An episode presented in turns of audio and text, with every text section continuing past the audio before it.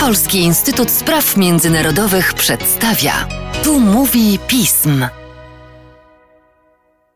Tu mówi pism. Przy mikrofonie Mateusz Józwiak, a wraz ze mną Mateusz Piotrowski, analityk, ekspert Polskiego Instytutu Spraw Międzynarodowych do spraw Stanów Zjednoczonych. Cześć Mateuszu. Cześć. Szanowni Państwo, od ponad miesiąca śledzimy sytuację na Ukrainie. Wojna, która zapoczątkowana została przez Rosję, doprowadziła do wyraźnych zmian w postrzeganiu kwestii związanych z bezpieczeństwem, wywołując szereg międzynarodowych reakcji, niejako budząc świat zachodni z pewnej stagnacji. Wśród głównych graczy działających na rzecz wsparcia Ukrainy są oczywiście Stany Zjednoczone, które obłożyły Rosję i Białoruś szeregiem sankcji i ograniczeń. Może warto więc z perspektywy ostatniego miesiąca zebrać te informacje w całość i tu pora na pierwsze pytanie do Ciebie, Mateuszu. O jakich sankcjach i ograniczeniach mowa? Dzięki za to pytanie. Faktycznie tych działań jest bardzo wiele. Na początek, żeby nie wchodzić może w to bardziej szczegółowo, podkreślę tylko, że dla Stanów Zjednoczonych bardzo istotne jest zachowanie sojuszniczej jedności i Joe Biden wyraźnie to komunikuje, wyraźnie komunikują to też europejscy przywódcy. Natomiast to zachowanie sojuszniczej jedności czasem Stanom Zjednoczonym nie wychodzi, co jest akurat raczej dobre i wychodzą przed szereg w tych kwestiach, gdzie mogą sobie na to pozwolić. O, o tym, o tym zaraz.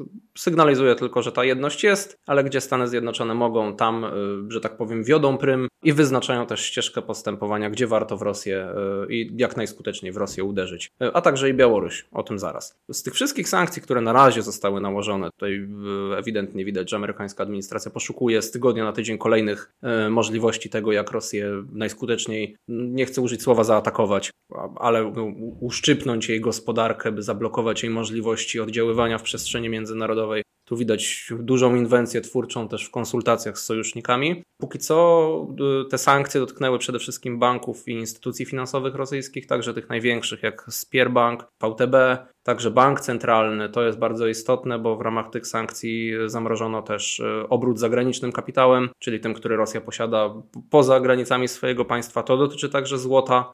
Te transakcje też są objęte sankcjami. Rosja ma tutaj związane ręce, a to jest bardzo istotne, bo to bank centralny odpowiada za politykę monetarną rubla, za ewentualne próby ratowania rosyjskiej gospodarki. Tutaj są one bardzo ograniczone. Ograniczono też transakcje kapitałem i zadłużeniem firm bardzo istotnych, kluczowych właściwie dla rosyjskiej gospodarki. Sankcjami objęto też e, ponad 60 firm z sektora obronnego. Tutaj wyraźnie uderzono w te wszystkie spółki, które mogłyby czy wspierają, e, oczywiście teraz wspierają, ale mogłyby dalej stymulować e, rosyjski sektor, rosyjskie siły zbrojne poprzez dostawy sprzętu. Także tutaj bardzo wyraźnie zadziałano, jednocześnie zakazano wykorzystania przestrzeni powietrznej przez rosyjskie samoloty amerykańskie. To było działanie wtórne po Unii Europejskiej, wpierw właściwie po pojedynczych państwach w Europie, które to wprowadzały, później cała Unia Europejska jako blok tego zakazała, Stany Zjednoczone także. Bardzo ważnym, już teraz właściwie być może zapominanym w całej tej debacie, ale jednak istotnym długofalowo jest fakt, że Stany Zjednoczone nałożyły pełne sankcje na Nord Stream 2, zdecydowały się na to dopiero po, po rozpoczęciu rosyjskiej inwazji. Wcześniej miały jednak problemy dotyczące retoryki utrzymania dobrych relacji z Niemcami, tylko tak hasłowo zostawię. USA tutaj to jest to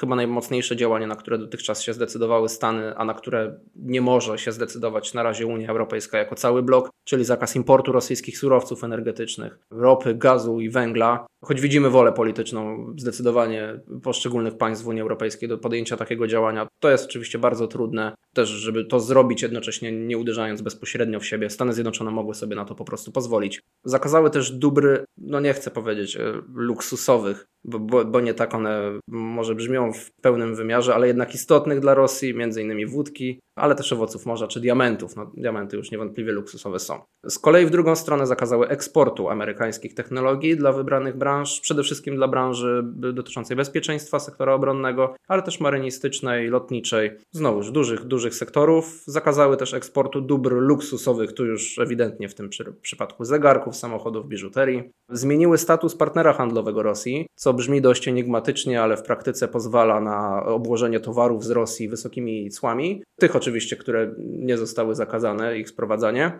I co ważne, Rosja tutaj dołącza do bardzo ekskluzywnego, choć e, mało chwalebnego klubu, bo taki status w relacjach ze Stanami Zjednoczonymi mają tylko Kuba i Korea Północna. To jest jednak istotne wykluczenie, jeżeli chodzi o relacje handlowe ze Stanami Zjednoczonymi. Poza tym Stany Zjednoczone chcą odciąć od finansowania Rosję, od finansowania z Międzynarodowego Funduszu Walutowego i Banku Światowego finansowego, nałożyły szereg sankcji personalnych i na szefów banków, na członków rad nadzorczych tych banków, tych, także tych firm, które zostały objęte sankcjami 340 członków Dumy, którzy głosowali za uznaniem e, niepodległości tych tak zwanych separatystycznych republik, także zostało objętych sankcjami. Jednocześnie sama Duma jako instytucja została obłożona sankcjami. Kilkudziesięciu oligarchów wraz z rodzinami ich firmami też zostało wpisanych na tę listę e, sankcji. No i wisienką na torcie tutaj może być objęcie sankcjami e, Władimira Putina, Siergieja Ławrowa, Siergieja Szojgu i generała Gerasimowa. To z tych sankcji personalnych. Co dalej by może tylko zasygnalizować, co się jeszcze może wydarzyć, choć ta lista jest już dość obszerna, ale wola polityczna ewidentnie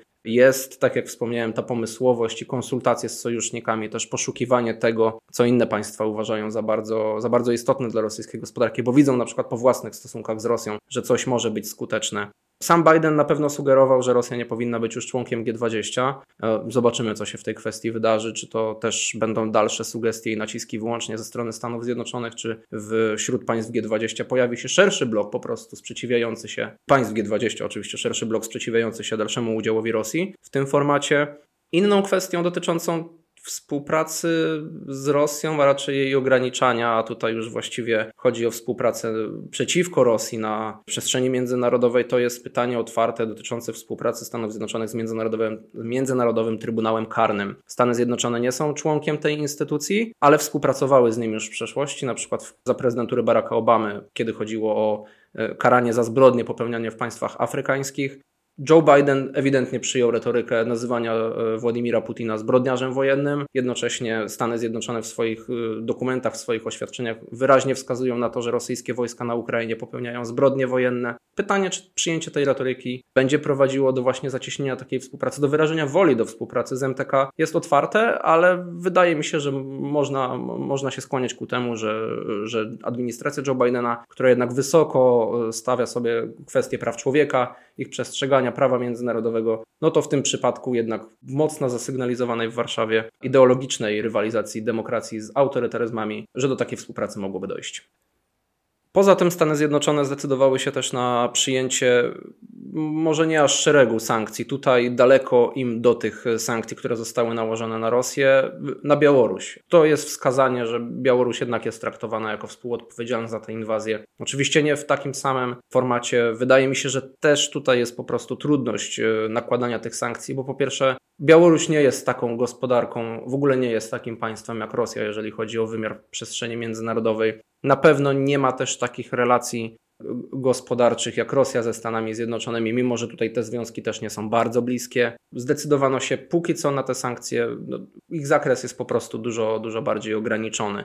Objęto nimi zaledwie kilka banków, dziewięć firm sektora obronnego. Jeżeli chodzi o sankcje personalne, to jest tylko kilku przedstawicieli władzy i elit. Natomiast rozciągnięto też na Białoruś y, zakazy eksportu technologii amerykańskich, tych dotyczących sektora obronnego, właśnie marynistycznego i powietrznego. One dotyczą też Białorusi. To są te działania, które Stany Zjednoczone póki co podjęły, jeżeli chodzi o karanie Białorusi za inwazję na Ukrainę, za współudział w rosyjskiej inwazji. Na starcie wspomniałem dość ogólnikowo o wsparciu, jakie udzieliły Stany Zjednoczone Ukrainie. W związku z tym, obok tego wachlarzu sankcji i ograniczeń, może warto, abyś nam doprecyzował, w jakich wymiarach zostało ono zrealizowane.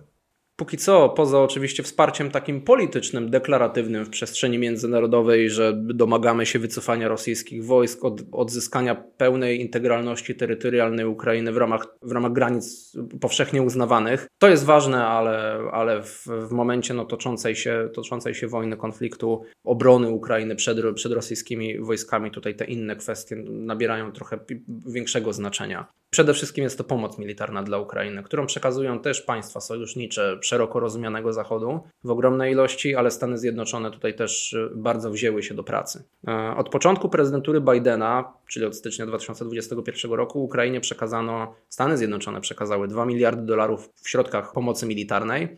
Żeby pokazać skalę tych wydatków, to łącznie 2 miliardy dolarów zostały przekazane w latach 2014-2020 przez poprzednie administracje, czyli y, administrację Obamy i administrację Trumpa.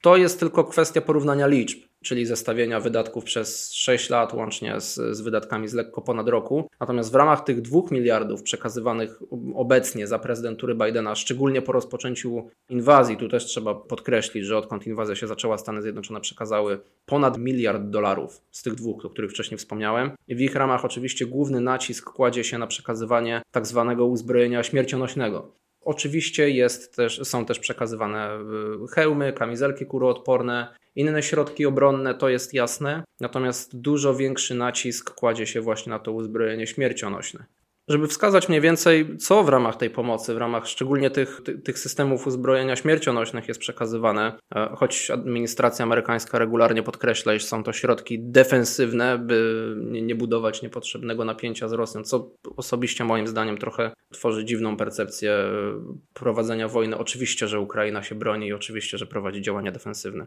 No tym niemniej, w ramach tego uzbrojenia otrzymała od Stanów Zjednoczonych dotychczas pociski i wyrzutnie przeciwlotnicze typu Stinger. To jest nowość e, w kwestii pomocy militarnej dla Ukrainy. Przed rozpoczęciem rosyjskiej inwazji Stany Zjednoczone tego uzbrojenia Ukrainie nie przekazywały, choć nie jest tak, że w ogóle nigdy się nim nie dzieliły. Sprzedają e, je także w normalnych relacjach, e, jeżeli chodzi o współpracę militarną.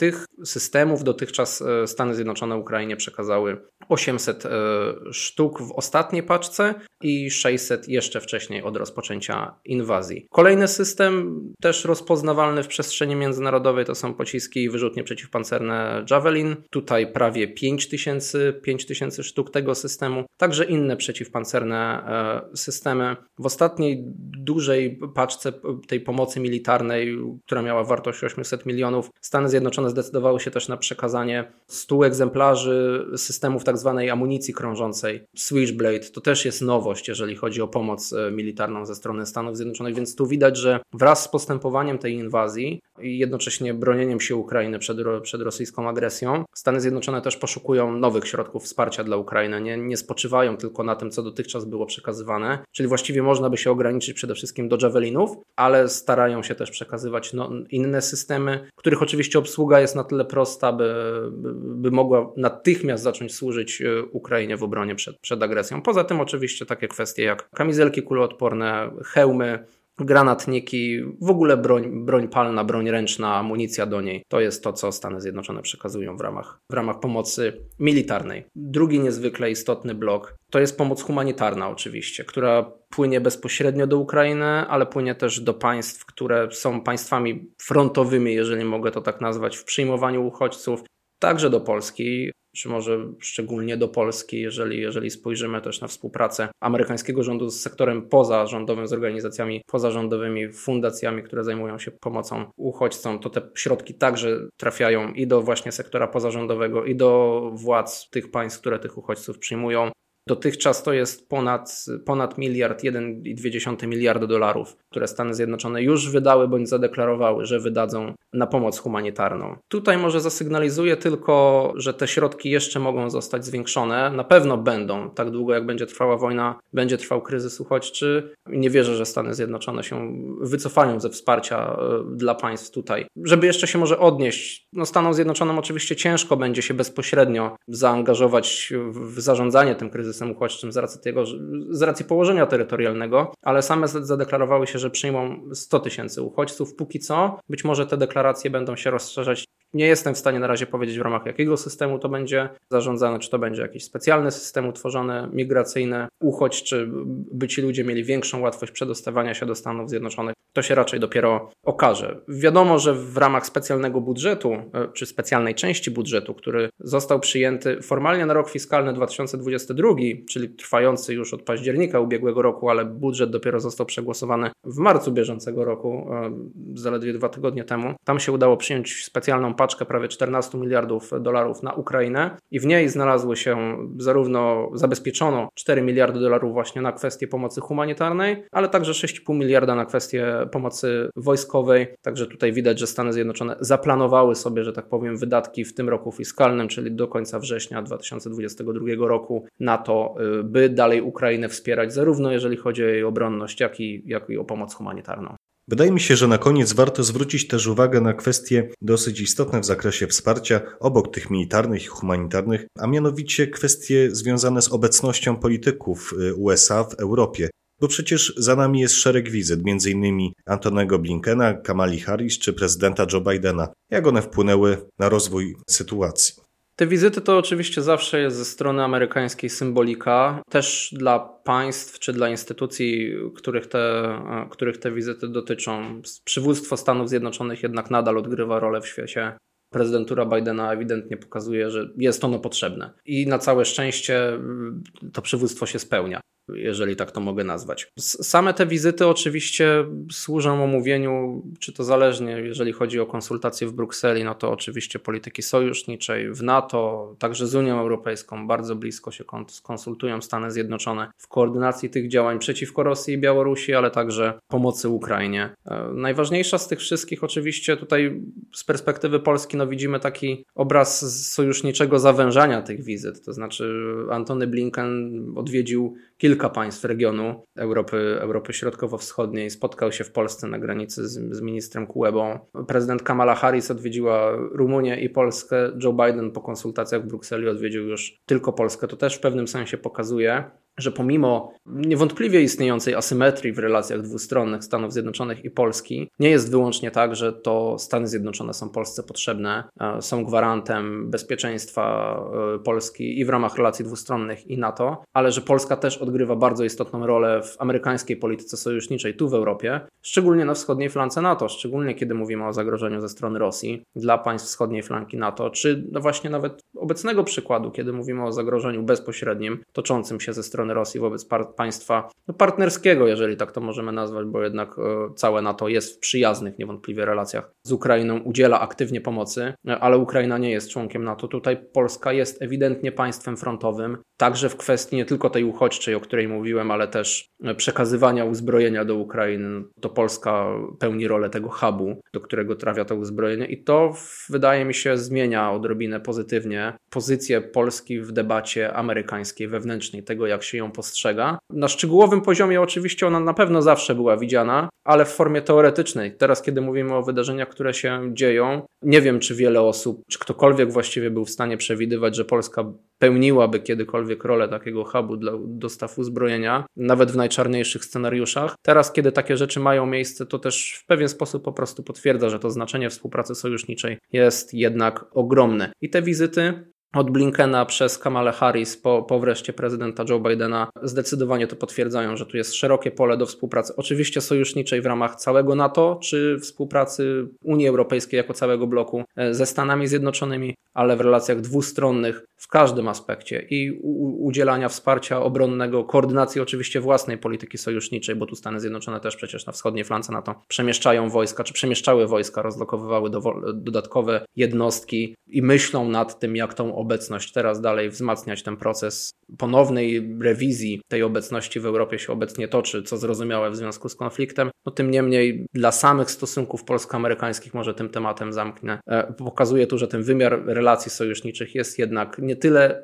wyłącznie istotny dla Polski w kierunku Stanów Zjednoczonych, ale w drugą stronę tutaj to znaczenie też jest ogromne. I cóż, to właśnie trudne sytuacje najlepiej weryfikują wartość pewnych zobowiązań i relacji.